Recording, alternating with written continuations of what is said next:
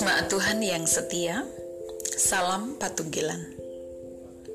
Penjenengan tahu orang yang pikun kan? Apa yang biasanya terjadi pada mereka? Sudah makan, tapi bilangnya, aku belum makan.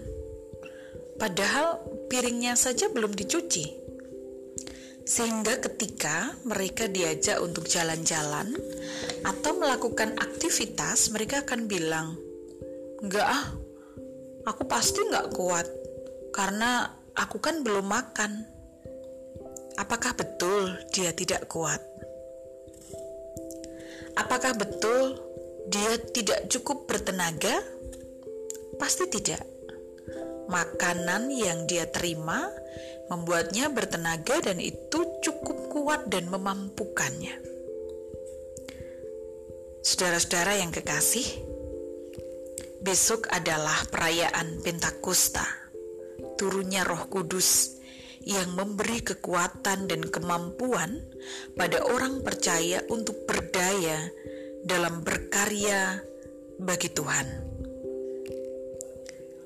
Saudara-saudara yang kekasih, Roh Kudus membuat orang mampu setia dan konsisten untuk melakukan kebaikan, memperjuangkan kebenaran, mengasihi, memaafkan, dan terus mendoakan.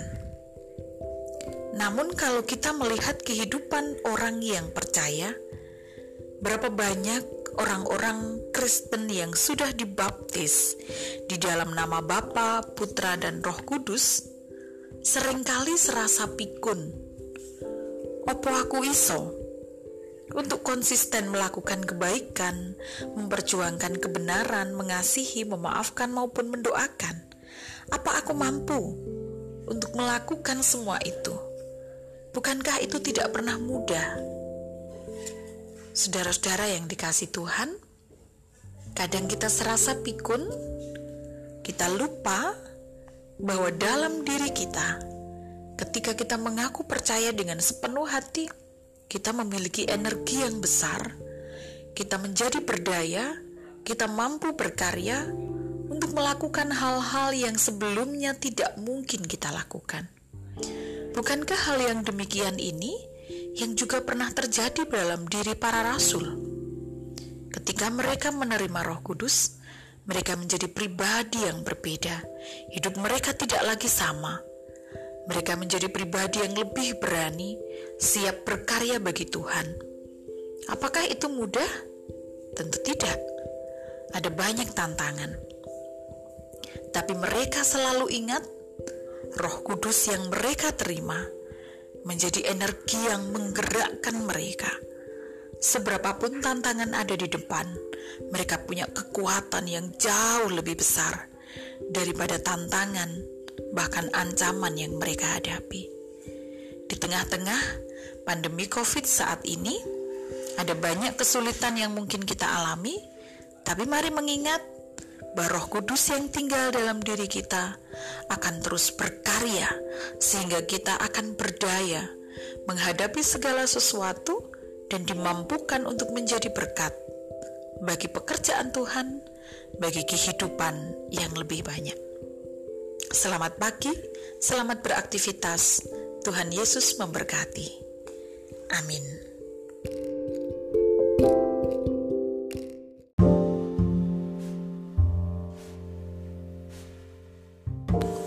Salam Patunggilan, para murid Kristus yang setia. Syukur kepada Allah jika kita manusia yang tersesat dalam belantara dunia yang gelap ini dipanggil untuk menjadi muridnya.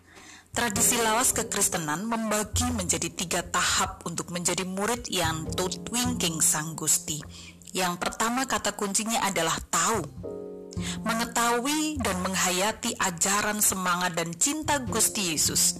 Bukan yang sok-sokan tahu tapi tahu tenanan. Bukan yang menghayati dengan anget-anget kuku tapi benar-benar matang jika sudah mengetahui dan menghayati, maka yang kedua adalah laku. Para murid dipanggil untuk melakukan, ngelakoni apa yang Yesus lakukan. Melakukan yang tidak biasa, tapi yang terbaik. Dan jika sudah tahu, dan menumbuhkan laku, maka tahap yang ketiga adalah rela memberi diri. Seperti Sang Kristus yang rela berkorban sampai mati, sampai akhir, ia memberi dirinya dengan total demi mewariskan anugerah damai dan keselamatan. Bagaimana dengan kita sekarang? Kita ada di tahap nomor berapa berproses menjadi murid Kristus? Ketika kita digoda untuk melakukan yang gak benar, yang menyimpang, apakah kita tahu kalau itu dosa? Tahu. Kalau kita tahu, maka lakukanlah yang lurus, lakukanlah yang benar. Tapi bukankah itu tidak mudah? Pancen. Iya. Tapi teruslah untuk rela memberi diri, sekalipun harus berkorban. Karena sang guru tidak pernah membiarkan sendiri para muridnya yang berjuang. Selamat pagi, Tuhan Yesus menyertai. Amin.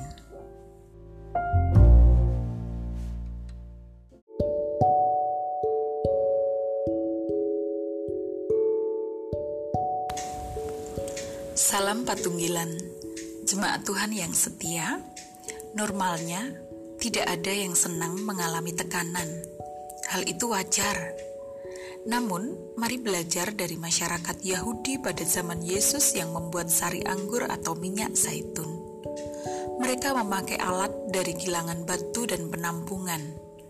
Buah anggur ditaruh di penampungan, lalu di atasnya terdapat batu yang sangat besar.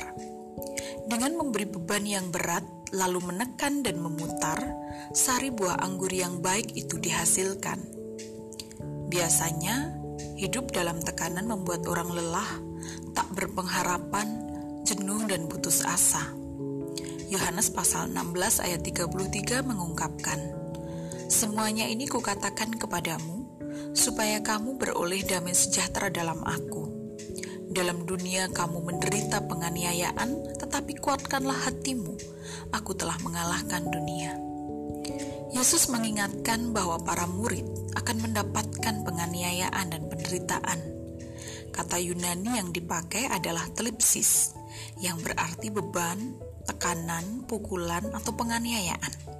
Nah, kata itu juga dipakai untuk menekan buah anggur. Jadi dari sini kita belajar bahwa di dalam kata telipsis itu ada makna positif di balik tekanan itu ada buah anggur yang indah. Nah, saudara-saudara, jika orang Kristen mengalami tekanan, apa yang keluar? Putus asa, keluhan, atau menjadi negatif? Ataukah ketekunan pengharapan dan sari kehidupan yang baik yang akan dihasilkan? Mari belajar mengelola dan melewati segala tekanan itu untuk terus bertumbuh menjadi baik dan positif. Selamat pagi, Tuhan memberkati. Amin.